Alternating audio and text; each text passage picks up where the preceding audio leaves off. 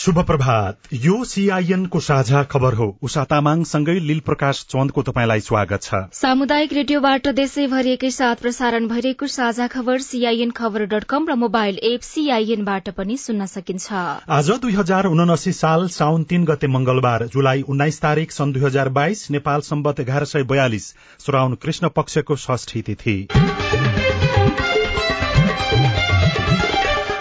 साझा खबरमा प्रमुख खबरका शीर्षकहरू। कांग्रेसको निर्णयले आगामी चुनावमा पाँच दलीय गठबन्धन निश्चित तर सीट बाँडफाँट जटिल एघार दिनमा पाँच न्यायाधीश बर्खास्त। संसदीय छानबिन समितिले सीसीटीभी फुटेज अध्ययन गर्दै बयान दिँदा अर्थ सचिव भक्कानिए कोरोना संक्रमण फेरि उकालो लाग्दै आजदेखि अठार वर्ष मुनिकालाई कोरोना विरूद्धको तेस्रो मात्रा खोप दिइँदै। कोरिया भाषा परीक्षामा कृषितर्फ तीन हजार उत्तीर्ण स्थानीय तहमा करारका कर्मचारी व्यवस्थापन पेचिलो बन्दै अनलाइनबाट व्यक्तिगत घटना दर्ता गर्ने ओडाको संख्या छ हजार नाग्यो भारतको अरूणाचल नदीमा डुबेर उन्नाइस जनाको मृत्यु। श्रीलंकाका निवर्तमान राष्ट्रपति गोटाबायालाई सिंगापुर छाड्न आग्रह। युक्रेनको दुई सुरक्षा निकायका प्रमुख बर्खास्त। र महिला साप च्याम्पियनशीप एक हप्तापछि सारियो एन्फाको कार्य समितिको बैठक स्थगित।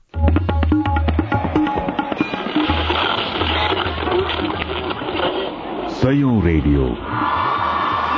हजारौं रेडियो कर्मी र करोड़ौं नेपालीको माझमा यो हो सामुदायिक सूचना नेटवर्क सीआईएन साझा खबरको सबैभन्दा शुरूमा नेपाली कांग्रेसको निर्णयको प्रसंग कांग्रेसले आसन्न प्रदेश र संघीय निर्वाचनमा सत्ता गठबन्धनमा रहेका दलहरूबीच तालमेल गर्ने निर्णय गरेको छ। यो निर्णयसँगै वाम गठबन्धनको ढोका लगभग बन्द भएको छ। तर पाँच दलबीच नै सीट बाँडफाँड भने अझै जटिल छ। यद्यपि स्थानीय तहमा जस्तो साझेदार दलहरूबीच असमझदारी नहोस् भनेर कांग्रेसले निर्वाचनका लागि साझा धारणा बनाउने बाटो खुल्ला गरेको छ। सत्ता साझेदार दलहरूले पनि अब छलफलको प्रक्रिया शुरू हुने बताएका छन्। डाक्टर शेखर कोइराला र महामन्त्री गगन थापाले नेतृत्व गरेको कांग्रेसको संस्थापन इतर समूहको चाहना नहुँदा नहुँदै पनि प्रधानमन्त्री एवं पार्टी सभापति शेर बहादुर देउवाले प्रदेश र संघीय निर्वाचनमा तालमेलको निर्णय गराउनु भएको छ। पार्टी कार्यालय सानेपामा हिजो बसेको केन्द्रीय कार्य समितिको बैठकले गठबन्धनका दलहरूसँग संवाद गर्ने र चुनावी तालमेल गरेर अघि बढ़ने निर्णय गरेको हो। जनताको समुन्नतिको सपनालाई स्थिर सरकार मार्फत सम्बोधन गर्नका लागि सत्ता गठबन्धनमा रहेका दलहरूसँग संवाद गरी चुनावी तालमेल गरेर अघि बढ़ने निर्णय गरेको बैठकपछि प्रवक्ता प्रकाश शरण महतले सीआईएनलाई जानकारी दिनुभयो। गठबन्धनको हाम्रो अनुभव थियो। त्यसलाई पनि मध्यनजर राखेर स्थानीय निर्वाचनमा जुन परिणाम आयो त्यसलाई सन्तोषजनक मानेको छ र आउने दिनमा आउने आम निर्वाचनमा फेरि गठबन्धन दलहरूसँग तालमेल गर्ने निर्णय गरेका छ। काङ्ग्रेस सबभन्दा ठुलो पार्टी हो। स्थानीय निर्वाचनको परिणामले देखाएको छ। आउने निर्वाचनमा पनि सबभन्दा ठुलो पार्टी नै नेपाली काङ्ग्रेस हुने हो। त्यसमा दुई मत छैन। कुनै पनि दललाई एक्लै बहुमत ल्याउन मुस्किल छ। त्यस अर्थमा सबैले गठबन्धन चाहिरहेका छन्। माओवादीले चाहिरहेको छ। एमाले पनि चाहिरहेका छ। कांग्रेस चाहिँ माओवादीसँग मिलेर गएन भने माओवादी एमालेसँग मिलिदिन्छ र घाटा कांग्रेसलाई हुन्छ त्यो डरले पनि गठबन्धन गर्न पर्या हो भन्ने जस्तो टिप्पणी गर्छन्। त्यही हो। आफ्नो सबैको दृष्टिकोण हुन्छ र एउटा स्थिर सरकार निर्माणको लागि अहिलेदेखि सहकार्य गरेर चाहिँ जाँदाखेरि त्यो उपयुक्त हुन्छ भने सबैको निष्कर्ष हाम्रो मात्रै चुनावी तालमेल गर्दा पाँच वर्ष स्थिर सरकारको सुनिश्चितता हुनुपर्ने कांग्रेसको शर्त छ। एकजना नेताका अनुसार निर्णय लेख्नु अघि भएको शीर्ष छलफलमा संस्थापन पक्षले चुनावी तालमेल गर्ने मात्र भनौ भनेका थिए। उपसभापति पूर्ण बहादुर खड्काले तालमेलको बारेमा नरम भाषा प्रयोग गर्नुपर्ने तर्क गर्नु भएको थियो। तर महामन्त्री द्वय गगन थापा र विश्वप्रकाश शर्माले सरकार गठनका लागि मात्र तालमेल भन्न नहुनेमा जोड़ दिनुभयो। माओवादी केन्द्रका नेता हरिबोल गजुरेलले कांग्रेसको हिजोको निर्णय नौलो नभएको प्रतिक्रिया दिनुभएको छ तर संस्थागत निर्णय गरेपछि छलफलका लागि थप वातावरण बनेको उहाँले टिप्पणी गर्नुभयो। एकीकृत समाजवादीका महासचिव डाक्टर बेदुराम भूषालले सबै दललाई आवश्यक रहेकाले प्रदेश सभा र प्रतिनिधि सभा निर्वाचनमा गठबन्धन नै कायमै रहने बताउनुभयो। आन्तरिक छलफलपछि गठबन्धनमा कुराकानी हुने पनि उहाँले बताउनु भएको छ। जनता समाजवादी पार्टीका अध्यक्ष उपेन्द्र यादवले मुलुकका लागि गठबन्धन अहिले पनि आवश्यक ठानिरहेको आफूहरूको विचार रहेको बताउनु भएको छ। आगामी प्रदेश सभा र प्रतिनिधि सभा निर्वाचनमा पनि तालमेलका लागि प्रयास जारी रहने उहाँले बताउनुभयो कांग्रेसले प्रदेश र संघीय निर्वाचनमा अहिलेकै गठबन्धन सहित जाने निर्णय लिएसँगै प्रमुख प्रतिपक्षी एमाले दबावमा परेको छ। गठबन्धनकै कारण स्थानीय निर्वाचनमा अपेक्षाकृत नतिजा पाउन नसकेको एमालेलाई कांग्रेसको पछिल्लो निर्णयले झनै अप्ठ्यारोमा पार्ने देखिन्छ। यद्यपि निर्वाचनमा एक्लै प्रतिस्पर्धा गर्ने गरी चुनावको तयारी गर्न उसले तल्ला निकायलाई निर्देशन दिइसकेको छ तर शर्त सहित तालमेलको ढोका पनि एमाले बन्द गरिसकेको छैन। निर्वाचन आयोगले चुनावका लागि खर्चको सीमाको दायरा क्षेत्र हेरेर निर्धारण गर्ने गरी छलफल गरिरहेको छ। स्थानीय तहको निर्वाचनमा उम्मेद्वारहरूको खर्च सीमा तोकेको आयोगले आगामी संघ र प्रदेशको निर्वाचनका लागि निर्वाचन क्षेत्र र मतदाता तथा भूगोल हेरेर खर्चको सीमा तोक्ने तयारी गरेको हो। यसअघिको स्थानीय तह निर्वाचनमा आयोगले गाउँपालिका नगरपालिका उपमहानगर र महानगरपालिकाका उम्मेद्वारका लागि छुट्टा छुट्टै तर एकै स्तरमा खर्च तोकेको थियो। तर संघ र प्रदेशको निर्वाचनमा भने क्षेत्र अनुसारका उम्मेद्वारका लागि फरक फरक सीमा तोकिने प्रमुख निर्वाचन आयुक्त दिनेश कुमार थपलियाले बताउनुभयो। आचार संहिता पनि फेरि हामीले बनाउनु छ। यो पनि एउटा अनुभवका आधारमा तयार गरिएको हो। अब एउटा चाहिँ हामी के गर्छौँ? यो चोटि चाहिँ भने मतदाता संख्याको आधारमा र एरिया। त्यो निर्वाचन क्षेत्रको एरिया कति त्यसले उ गर्छ र त्यहाँ मतदाता कति छन् त्यसलाई एनालाइसिस गरेर संखुवा सभाको फरक हुन सक्छ काठमाडौँको फरक हुन सक्छ मोरङको फरक हुन सक्छ। हामीले फरक फरक आठ दसवटा क्राइटेरिया तोकेर चाहिँ यो सीमा तोक्नुपर्छ भन्ने हाम्रो सोचाइ छ यो सुझाव अहिले आएको छ। त्यसरी गरौँला। स्थानीय तहको निर्वाचनको पर्यवेक्षण प्रतिवेदनले पनि निर्वाचनको खर्च सीमा बढ़ाउनु पर्ने देखिएको उल्लेख गरेको छ। गत वैशाख तीसमा भएको स्थानीय तहको निर्वाचनको मतदान स्थल पूर्ण रूपमा अपाङ्ग मैत्री ज्येष्ठ नागरिक र महिला मैत्री नभएको पनि निर्वाचन पर्यवेक्षण गरेका संस्थाको प्रतिवेदनले देखाएको छ। निर्वाचनको पर्यवेक्षण गरेका संस्था संकल्प र नियोगले प्रतिवेदन सार्वजनिक गर्दै औसतमा सत्तरी प्रतिशत मात्रै मतदान स्थल अपाङ्गता मैत्री ज्येष्ठ नागरिक र महिला मैत्री भएको बताएका छन्। प्रतिशत गर्भवती महिला र पच्चीस प्रतिशत बढ़ी ज्येष्ठ नागरिकले सहज रूपमा मत खसाल्न नपाएको प्रतिवेदनमा उल्लेख छ। तीस प्रतिशत भन्दा बढ़ी मतदान केन्द्रका मतपेटिका उच्च स्थानमा राखिँदा अपाङ्गता भएका व्यक्तिले पनि सहज रूपमा मत खसाल्न नसकेको संकल्पका वरिष्ठ उपाध्यक्ष शोभा बस्नेतले बताउनुभयो। प्रतिवेदन अनुसार सबैभन्दा कम गण्डकी प्रदेशमा बाहन्न प्रतिशत मतदान केन्द्र महिला मैत्री निर्माण भएका थिए भने सुदूरपश्चिम प्रदेशमा सबैभन्दा बढ़ी पचहत्तर प्रतिशत मतदान केन्द्र महिला मैत्री निर्माण भएको प्रतिवेदनमा उल्लेख छ। यस्तै अपाङ्गता मैत्री मतदान केन्द्र निर्माण गर्नेमा प्रदेश एक अगाडि रहेको छ जसको सतहत्तर प्रतिशत मतदान केन्द्र अपाङ्गता मैत्री थिए। जनार्दन शर्मा मन्त्री रहुन्जेल मन्त्रालय फर्किन्न भन्दै असार बाइसमा विदामा गएका अर्थ सचिव मधु मरासिनीले प्रधानमन्त्री शेरबहादुर देउबासँग मुख्य दुई विषय राख्नु भएको थियो। बालुवाटार स्रोतका अनुसार मरासिनीको पहिलो भनाइ थियो मन्त्रीले मनपरी गर्ने बदनामी हामीले खेप्नुपर्ने म विदामा बस्छु। त्यस्तै बजेट निर्माणमा अनधिकृत व्यक्तिको प्रवेशका विषयमा प्रधानमन्त्रीसँग उहाँको स्पष्टीकरण थियो। बजेट निर्माणमा ती व्यक्तिको प्रवेश अहिले चर्चा भए जस्तो होइन तर व्यक्तिको संलग्नता रहेको साँचो हो। दबावका सामू अर्थका अधिकारीको समर्पण देखिएको छ। समितिमा बयान दिँदा भक्कानिएका छन् अर्थ सचिव मरासिनी। अनधिकृत व्यक्तिको उपस्थितिमा बजेटको दर हेरफेर गरेको भन्दै छानबिन गर्न गठित संसदीय समितिले सरकारवाला निकायका प्रतिनिधिसँग छलफललाई तीव्रता दिएको छ भने अर्थ मन्त्रालयको सीसीटीभी फुटेज मागे पनि समितिले पाइसकेको छैन। दश दिने कार्यावधि मध्ये अब केही दिन मात्रै बाँकी रहँदा सरकारमा रहेका दलहरूले गवर्नर महाप्रसाद अधिकारी एमालेको आर्थिक विभागमा सदस्य भएको भन्दै आलोचना गर्दै आएका छन्। अर्थ क्षेत्रसँग सम्बन्धित यी दुवै विषयमा सरकारमा रहेका र प्रमुख प्रतिपक्षी दल एमाले बीच सौदाबाजी हुने एक थरीले टिप्पणी गर्न थालेका छन्। सीआईएनसँग कुराकानी गर्दै छानबिन विशेष समितिका सदस्य तथा एमाले नेता प्रदीप कुमार गेवालीले भने यी दुवै विषय फरक फरक भएको टिप्पणी गर्नुभयो। हामीले अर्थ मन्त्रालयसँग त्यससँग सम्बन्धित दस्तावेजहरू मागिरहेका छौँ हामीले माइनेटहरू मागिरहेका छौँ विभिन्न उपस्थितिहरू मागिरहेका छौँ र सिसिटिभी फुटेजहरू पनि मागिरहेका छौँ। अध्ययन जारी छ।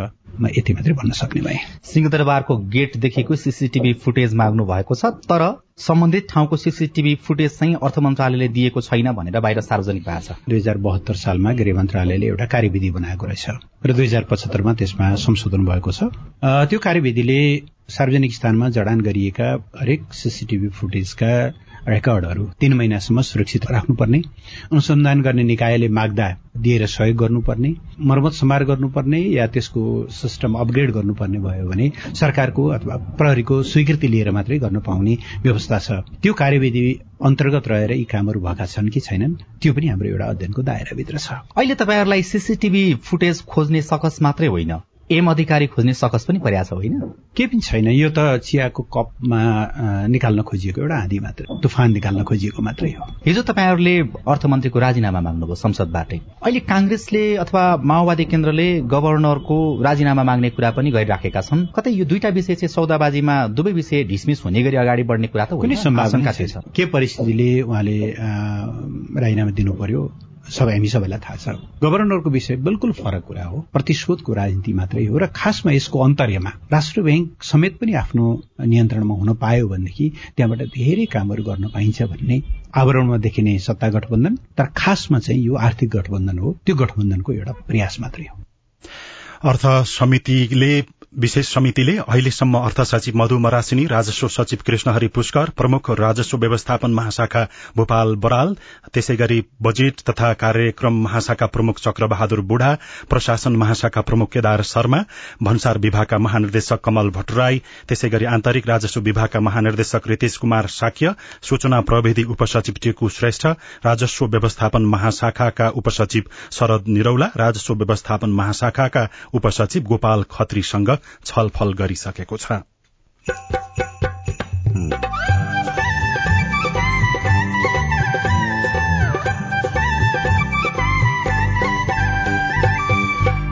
सामुदायिक सूचना नेटवर्क सीआईएन मार्फत देशभरि प्रसारण भइरहेको साझा खबरमा काठमाडौँ उपत्यका ढुङ्गे धाराहरू मासिँदै पानी लिएर भीमसेनलाई ऊ गर्छ क्या पूर्व हेरेकोमा हाम्रो गुनी पनि भन्छ नि त्यतिखेर नुहाउन जान्छ। हुँदाखेरि यही पानी चाहिन्छ कोरोना संक्रमण फेरि उकालो लाग्दै आजदेखि अठार वर्ष मुनिकालाई कोरोना विरूद्धको तेस्रो मात्रा दिइँदै कोरिया भाषा परीक्षामा कृषितर्फ तीन हजार उत्तीर्ण लगायतका खबर बाँकी नै छन्। सीआईएनको साझा खबर सुन्दै गर्नुहोला। नयाँ नयाँ प्रजातिको डर। हात धोए मास्क लाए जान्छ पर पर।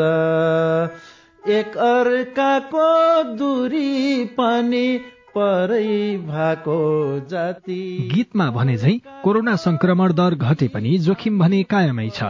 अझै पनि नयाँ नयाँ प्रजातिका भाइरसहरू आउन सक्छन्। खोप्लाएसी कोरोनालाई जितिन्छ रे साथी। कोरोना विरुद्धको सबै मात्रा खोप अनिवार्य लगाउनु पर्दछ। कसैको खोप छुटेको छ भने वडा कार्यालय वा नजिकको स्वास्थ्य केन्द्रमा सम्पर्क राख्नु पर्दछ। एक अर्का बीचको दूरी कायम गर्ने मास्क लगाउने र साबुन पानीले मिची मिची हात धुने कार्यलाई सधैँ कायम गर्न सकेमा कोरोना मात्रै होइन। अन्य धेरै रोगहरूबाट बच्न सकिन्छ। जीवन शैलीको भरमा बाँच्छौँ हामी कोरोनाका। युएन उमनको सहयोगमा ल्याक र अकुराब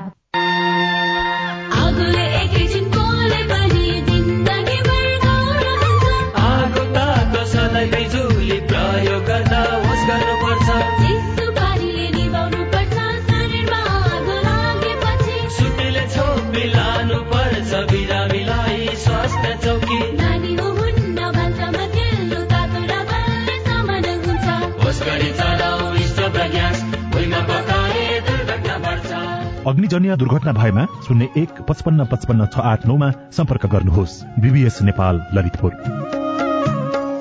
सामाजिक रूपान्तरणका लागि यो हो सामुदायिक सूचना नेटवर्क सीआईएन तपाई अहिले देशभरिका सामुदायिक radio CIN Khabar dot com र मोबाइल एप सीआईएनबाट एकैसाथ साझा खबर सुन्दै हुनुहुन्छ। अब बाँकी खबर। स्थानीय तहको दोस्रो कार्यकालका लागि निर्वाचित जनप्रतिनिधिले करार सेवाका कर्मचारीको नवीकरण नगरेपछि कर्मचारी व्यवस्थापन पेचिलो बन्दै गएको छ। खास गरी अघिल्लो स्थानीय तहको सरकारले नियुक्त गरेका कर्मचारीहरूलाई आगामी आर्थिक वर्ष सेवा गर्न नपाउने गरी हटाउन थालेका छन्। केही दिन अघि दैलेखको गुराँस गाउँपालिकाले करार कर्मचारीलाई हटाउन लागेको भन्दै कर्मचारी प्रदर्शनमा उत्रिएपछि गरेपछि नियन्त्रणमा लिन प्रहरीले गोली समेत चलाएको थियो। अहिले विभिन्न पालिकाले करारका कर्मचारी हटाउने निर्णय गरेसँगै यो विषय विवादित बनिरहेको छ। विज्ञहरू भने कर्मचारी समायोजनमा सरकार चुकेकै कारण यस्तो अवस्था आएको बताउँछन्। राजनीतिमा कर्मचारीमा भागबण्डा लगाउने प्रवृत्तिका कारण यस्तो भएको बताउँदै प्रशासनविद डाक्टर भीमदेव भट्टले यो संघ सरकारले निजामती सेवा ऐन ल्याउन नसक्नुको परिणाम भएको सीआईएनसँग बताउनुभयो। करार सेवामा यसअघि कार्यरत कर्मचारीले भने स्थानीय तहले मनलाग्दी ढंगबाट आफूहरूलाई हटाइएको भन्दै विरोध गरिरहेका छनृ। अनलाइन सूचना प्रणाली मार्फत व्यक्तिगत घटना दर्ता गर्ने विभिन्न स्थानीय तहका ओड़ाहरूको संख्या छ हजार एक सय अन्ठानब्बे पुगेको छ। राष्ट्रिय परिचय पत्र तथा पंजीकरण विभागका अनुसार हालसम्म ती ओड़ाबाट सैतिस लाख पन्ध्र हजार तीन सय तेइस व्यक्तिगत घटना दर्ता गरिएका छन् जसमा उन्नाइस लाख अडसठी हजार भन्दा धेरै अनलाइन जन्म दर्ता चार लाख बत्तीस हजार भन्दा धेरै बसाई सराई दर्ता सात लाख नब्बे हजार भन्दा धेरै विवाह दर्ता सत्ताइस हजार भन्दा बढ़ी सम्बन्ध विच्छेदका घटनाहरू दर्ता गरिएका छन्। कोरोना संक्रमणका कारण दुई दिनमा दुईजनाले ज्यान मृत्यु भएको छ। करिब अढाई महिनामा कोरोना मृत्यु शून्यमा रहेको पछिल्लो दुई दिनमै संक्रमणका कारण दुईजनाको मृत्यु भएको हो। मृत्यु भएका संक्रमितमा दीर्घरोग पनि नभएको पाइएको छ। स्वास्थ्य मन्त्रालयका अनुसार मृत्यु भएका दुवैजनाले कोरोना विरूद्धको खोप लगाएका थिएनन्। यसअघि गत वैशाख एक्काइसमा एकजनाको मृत्यु भएको थियो।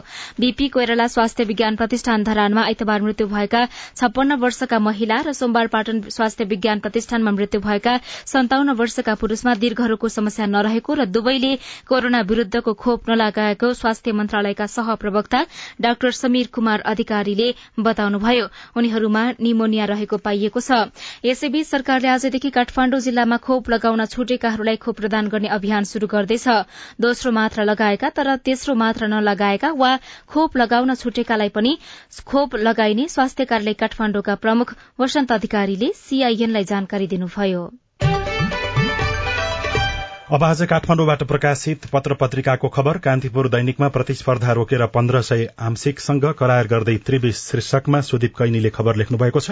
त्रिभुवन विश्वविद्यालयमा स्वीकृत दरबन्दी मध्ये पैंसठी प्रतिशत प्राध्यापक मात्रै अध्यापनरत छन् तर दरबन्दी पूर्ति गर्न सेवा आयोगको परीक्षा सञ्चालन गर्नुको सट्टा आंशिक प्राध्यापकलाई धमाधम करार गर्न थालिएको छ। प्राध्यापकको अभाव टार्न डीन कार्यालय विभाग र क्याम्पसले आफू खुशी आंशिक प्राध्यापक भर्ती गर्दै आएका थिए। अर्थले कर नहटाइदिएपछि निगमले इन्धनको भाव घटाएन शीर्षकमा अर्को खबर छ।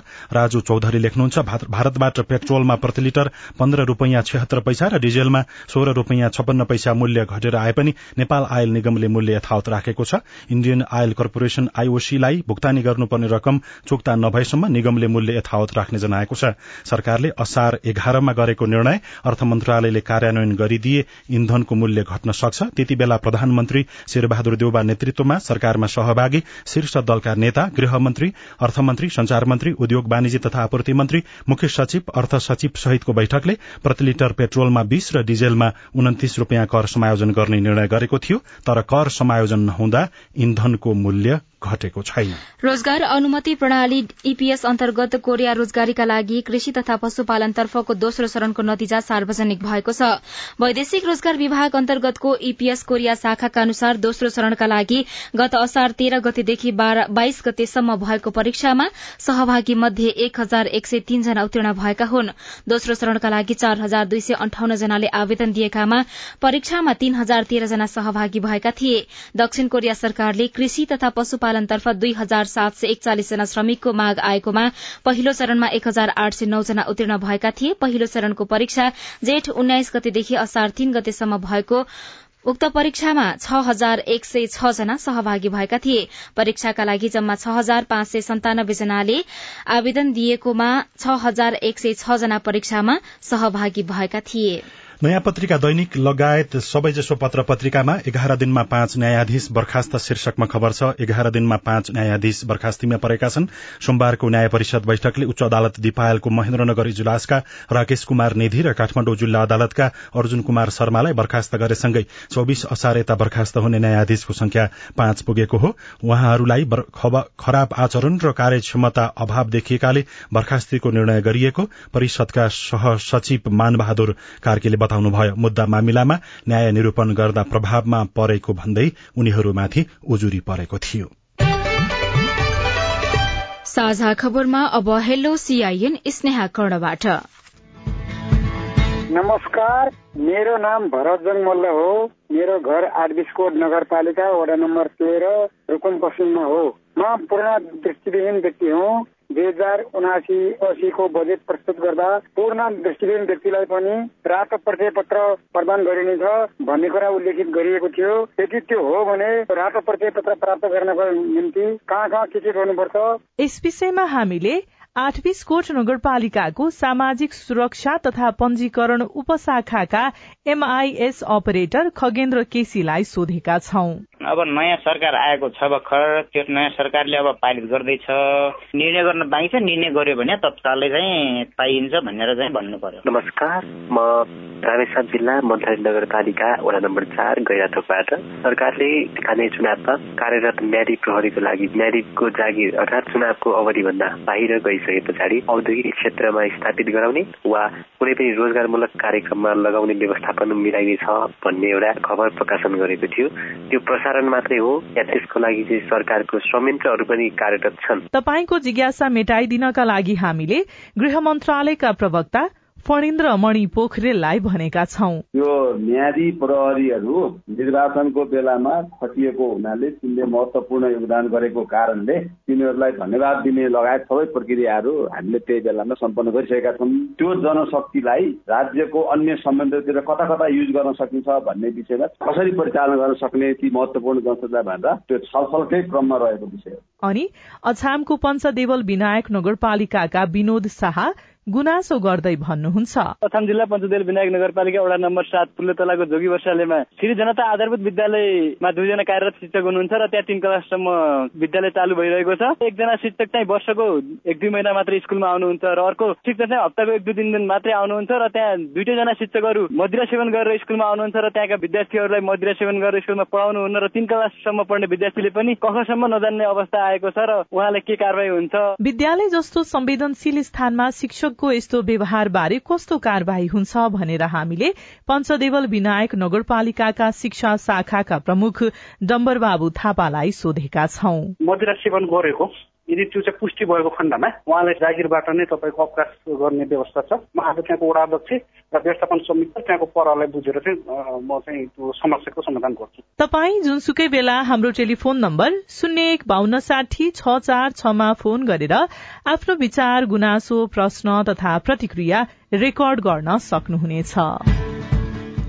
साझा खबरमा अब विदेशको खबर भारतको विभिन्न राज्यमा भएको दुर्घटनामा परि एकतीस जनाको मृत्यु भएको छ। भारतको अरूणाञ्चल राज्यमा पर्ने कुमी नदीमा डुबेर उन्नाइस जना मजदूरहरूको मृत्यु भएको छ। आसाम स्थित आफ्नो घर फर्किने क्रममा उनीहरूको नदीमा डुबेर मृत्यु भएको भारतीय संचार माध्यमहरूले लेखेका छन्। मध्य प्रदेशको धार जिल्लामा यात्रुवाहक बस नदीमा खस्दा बाह्र जनाको पनि श्रीलंकाका निवर्तमान राष्ट्रपति गोटाबाया राजा पाक्सेलाई सिंगापुर प्रशासनले देश छाड्न आग्रह गरेको छ। श्रीलंकाबाट भागेपछि मालदिप्स हुँदै सिंगापुर पुगेका राजा पाक्सेलाई पन्ध्र दिनभित्रै देश छाड्न भनिएको छ र युक्रेनका राष्ट्रपति भ्लोदमिर जुलेन्स्कीले दुई सुरक्षा निकायका प्रमुखलाई बर्खास्त गर्नुभएको छ। युद्धको क्रममा रूसलाई सहयोग गरेको मामिलामा संलग्न रहेको भन्दै दुईजनालाई बर्खास्त गरिएको अन्तर्राष्ट्रिय संचार माध्यमहरूले उल्लेख गरेका छनृ। साझा खबरमा अब खेल खबर नेपालमा आयोजना हुने महिला साफ च्याम्पियनशीप एक हप्तापछि सरेको छ। दक्षिण एसियाली फुटबल महासंघ साफले सहभागी टोलीलाई पत्र लेख्दै महिला साफ एक हप्तापछि सरेको जानकारी गराएको हो। भारतको गोकुलम केरला एफसीले एएफसी वुमेन क्लब प्रतियोगिता खेल्ने तालिका परेका कारण प्रतियोगिता सारिएको साफले जनाएको छ। अब महिला साफ च्याम्पियनशीप भदौ एक्काइसदेखि असोज तीन गतेसम्म हुनेछ। यसअघि साफ च्याम्पियनशीप भदौ तेह्रदेखि पच्चीससम्म आयोजना हुने तालिका थियो। अखिल नेपाल फुटबल संघ एन्फाको कार्य समिति बैठक स्थगित भएको छ। एन्फाका अध्यक्ष पंकज विक्रम निवाङ बिरामी भएपछि हिजोका लागि बोलाइएको बैठक स्थगित भएको हो। एन्फाले बोर्ड बैठकका लागि अर्को सूचना जारी गर्ने जनाएको छ। र जुलाई पच्चीसदेखि भारतमा आयोजना हुने साफ बीस वर्ष मुनिका पुरूष च्याम्पियनशीप फुटबलका लागि नेपाली टोलीको घोषणा भएको छ। संस्कृति जोगाउनमा पनि काठमाडौँ उपत्यकाका ढुङ्गे धाराको भूमिका महत्वपूर्ण रेडियो रिपोर्ट अरू खबर र कार्टुन पनि बाँकी नै छ। सीआईएनको साझा खबर सुन्दै गर्नुहोला। नेपाल टेलिकमको सूचनाको संसार। होइन के सुनेको यस्तो ध्यान दिएर दोहोरो बोलेको जस्तो नि देख्दिन। तीन दुई एक शून्य शून्य क्या? तीन दुई एक शून्य शून्य? के हो त्यो भने? बुझिन त। ल सुन एनटीसी प्रयोगकर्ताहरूले आफ्नो मोबाइल तथा ल्याण्डलाइनमा तीन दुई एक शून्य शून्य डायल गरी समाचार रेडियो कार्यक्रम खेल र अन्य विषयबारे सन्देशहरू जुनसुकै बेला निशुल्क सुन्न सक्छन्। ओहो निशुल्क? कस्तो सजिलो। समाचार सुन्न छुट्यो भनेर पिर लागेको थियो। अब त म पनि सुनिहाल्छु। कति रे? तीन दुई एक शून्य शून्य। सामाजिक रूपान्तरणका लागि यो हो सामुदायिक सूचना नेटवर्क सीआईएन साझा खबरमा अब काकाकुल काठमाण्डुमा ढुङ्गे धाराको कुरा। काठमाण्डु उपत्यका भन्ने बित्तिकै हिजो आज जो कोहीको मनमा यहाँको अभाव महँगी प्रदूषण लगायतका विकृतिको सम्झना हुन्छ। खानेपानीको अभाव सबैले झेल्नै पर्ने अप्ठ्यारो हो। तर कुनै बेला यहाँका ढुङ्गे धारा राजकुलोले नै पानीको माग धान्थे भन्दा अहिलेको पुस्ताले आश्चर्य मान्ने बेला भएको छ। ललितपुरको पाटन दरबार स्क्वायर क्षेत्र विश्व सम्पदा सूचीमा रहेका कारण पनि आन्तरिक तथा बाह्य पर्यटकको भीड़भाड़ भइरहन्छ। कृष्ण मन्दिर पाटन संग्रहालय लगायतका ठाउँ चहार्दा तिर्खाएकाहरू छेउैमा रहेको मंगहिटी अर्थात ढुङ्गे धारातिर झर्छन्। मेरो मिना सुवेदी हो चाँगाथली। यत्रो ठुलो पानी आएको छ मान्छेलाई कतिलाई पानी खान नपाएर कति बिजोग छ। यहाँ पानी यसै गएको छ चिसो आनन्द आउने पानी रहेछ गर्मीमा। पाटन दरबार स्क्वायरसँगै जोडिएका दुईवटा पल्चाको बीचमा धारासम्म पुग्ने खुड्किला छन्। तीनवटा धाराबाट निरन्तर पानी बग्छ। कोही नुहाउँछन् कोही प्यास मेटाइरहेका भेटिन्छन्। सन्ताउन्न वर्षका स्थानीय ओम प्रसाद लाखे। पहिला एकदम राम्रो छ। ललितपुर काठमाडौँ र भक्तपुरको गरी झण्डै दुई सयवटा धाराबाट अहिले पनि पानी आउँछ। यसले मानव जीवन मात्रै जोगिएको छैन कला संस्कृतिको संरक्षण पनि भएको छ। गाई जात्रामा नौवटा धारा चिन्नको लागि आउँछ नि यो यो पनि पर्छ के? चोखो पानी लिएर भीमसिनलाई उ गर्छ के? पूर्व हेरेकोमा हाम्रो गुनी पनि भन्छ नि अध्ययन अनुसार लिच्छिविकालदेखि नै काठमाडौँ उपत्यकामा ढुङ्गे धाराको प्रचलन शुरू भएको हो। तीन जिल्लामा गरी पाँच सय त्रिहत्तर धारा थिए तर दुई सय अस्सीवटा सुकिसकेका छन् भने चौरानब्बेवटाको नामो निशाना भेटिँदैन। ढुङ्गे धाराको विषयमा अनुसन्धान गरिरहनु भएका शहरी विकासविद पद्मसुन्दर जोशी। सम्पूर्ण हितीमा चाहिँ त्यो राजकुलो पोखरी आदि इत्यादि सबै हुनुपर्छ भन्ने छैन। तिनीहरू त त्यो पानी अझ थप बढाउनको लागि उपयोग गरिने हो। राजकुलो राजकुलोले पोखरीलाई भर्ने काम गर्छ। पोखरीले जमिन मुनि सिंचन गर्छ। त्यो नहुँदाखेरि पनि भूमिगत जल भण्डार रहेसम्म त हितीमा पानी त बग्ने भयो। वर्षभरि बग्नको सट्टा केही समय मात्र बग्ने होला। काठमाडौँ उपत्यकामा केही दशक अघिसम्म मानव बसोबास कृषिका लागि निश्चित क्षेत्रफलको जमिन खुल्ला राखिन्थ्यो। यसबाट प्राचीन पोखरी धाराको अस्तित्व जोगिएको थियो। ऐतिहासिक ढुङ्गे धारा तथा पोखरी संरक्षण संघका अध्यक्ष सुशील श्रेष्ठ। आलुको हिती अहिले पानीको चाहिँ भोलुम छ लाखदेखि सात लाख लिटर छ। अब यहाँबाट तल्लो बेलको मान्छेहरूले पानी छैन। आठ दस घण्टा हामीले चाहिँ तल्लो बेलमा पठाइदिन सक्यो भने कमसे कम दुई सय डेढ सय परिवारले पानीको समस्या समाधान गर्न सकिन्छ। पानी आपूर्तिका लागि ललितपुरको टीका भैरव भक्तपुरको बागेश्वरी र काठमाडौँको बुढानीलकण्ठ हिटी प्रणाली महत्वपूर्ण मानिन्छ। तर बुढानीलकण्ठको प्रणाली नष्ट भइसकेको अध्येताहरू बताउँछन्। फेरि पनि शहरी विकासविद पद्मसुन्दर जोशी। लगन खेलको मा मुहानबाट पानी निकालेर तुसा हिटीमा चाहिँ पानी झार्ने भनेर भनेको। त्यहाँदेखि त्यहाँसम्म चाहिँ हिटी डुङ राखेर ल्याउने सिस्टम चाहिँ यो टिका भैरव प्रणालीको हो। तर त्यो एउटा मात्र होइन पाटनमा त पचास साठीवटा हिटीहरू छन्। काठमाडौँ उपत्यका खानेपानी लिमिटेडका अनुसार आर्थिक वर्ष दुई हजार छैसठी सडसठीमा उपत्यकामा खानेपानीको माग दैनिक बत्तीस करोड़ लिटर थियो। अहिले यो बढ़ेर दैनिक त्रिचालिस करोड़ लिटर पुग्दा वर्षातको समयमा सत्र करोड़ लिटर र हिउँदमा दस करोड़ लिटर पानी उपलब्ध हुने गरेको छ। पानीको माग पूर्तिको लागि ढुङ्गे धाराको संरक्षणमा सरकारको योजना के छ? काठमाडौँ उपत्यका खानेपानी बोर्डका निर्देशक सञ्जीव विक्रम राणा। मध्यपृथ्वी नगरपालिका र महालक्ष्मी नगरपालिकामा चाहिँ अनि हामीले काम शुरू गरेको हो। केही कामहरू अगाडि बढेको स्थिति छ। उपत्यकामा दुई सयवटा ढुङ्गे धारामा बाह्र महिनामा कुनै न कुनै बेला पानी आउने गरेको छ। सजना तिमल सिन्हा सीआईएन काठमाडौँ। रिपोर्टसँगै हामी साझा खबरको अन्त्यमा आइपुगेका छौं। सामुदायिक रेडियो प्रसारक संघद्वारा संचालित सीआईएनको बिहान छ बजेको साझा खबर सक्नु अघि मुख्य मुख्य खबर फेरि एकपटक। कांग्रेसको निर्णयले आगामी चुनावमा पाँच दलीय गठबन्धन निश्चित तर सीट बाँडफाँड जटिल। एघार दिनमा पाँच न्यायाधीश बर्खास्त। संसदीय छानबिन समितिले सीसीटीभी फुटेज अध्ययन गर्दै बयान दिँदा अर्थ सचिव भक्कानिए कोरोना संक्रमण फेरि उकालो लाग्दै। कोरिया भाषा परीक्षामा कृषितर्फ तीन हजार उत्तीर्ण। स्थानीय तहमा करारका कर्मचारी व्यवस्थापन बेचिलो भन्दै अनलाइनबाट व्यक्तिगत घटना दर्ता गर्ने ओडाको संख्या छ हजार नाघ्यो भारतको अरूणाञ्चलमा नदीमा डुबेर उन्नाइस जनाको मृत्यु श्रीलंकाका निवर्तमान राष्ट्रपति गोटाबायालाई सिंगापुर छाड्न आग्रह। र महिला साफ च्याम्पियनशीप एक हप्तापछि सारियो। साझा खबरको अन्त्यमा कार्टुन। कार्टुन हामीले नयाँ पत्रिका दैनिकमा रवि मिश्रले कर्नर किक शीर्षकमा बनाउनु भएको कार्टुन लिएका छौं। व्यङ्ग्य गर्न खोजिएको छ। हिजो मात्रै पूर्व मन्त्री समेत रहेका नेकपा एमालेका नेता प्रदीप गेवालीले आफू पूर्व मन्त्री भए पनि दुईवटा तरकारी पकाउन सक्ने अवस्था नरहेको प्रतिक्रिया दिनुभएको थियो। यहाँ एकजना व्यक्ति छन्। ती व्यक्तिले गेवालीको तस्विर देखिएको जस्तो र त्यहाँ केही समाचार पढ़िराखेको जस्तो देखाइएको छ। ती व्यक्ति मुख बिगारेर केही बोल्दैछन्। माथि चाहिँ यस्तो लेखिएको छ। धत राजनीति दुई थरी तरकारी पाक्न नि? कि त दशैं नै आउनुपर्ने? कि त मन्त्री नै बन्नुपर्ने पो रहेछ त?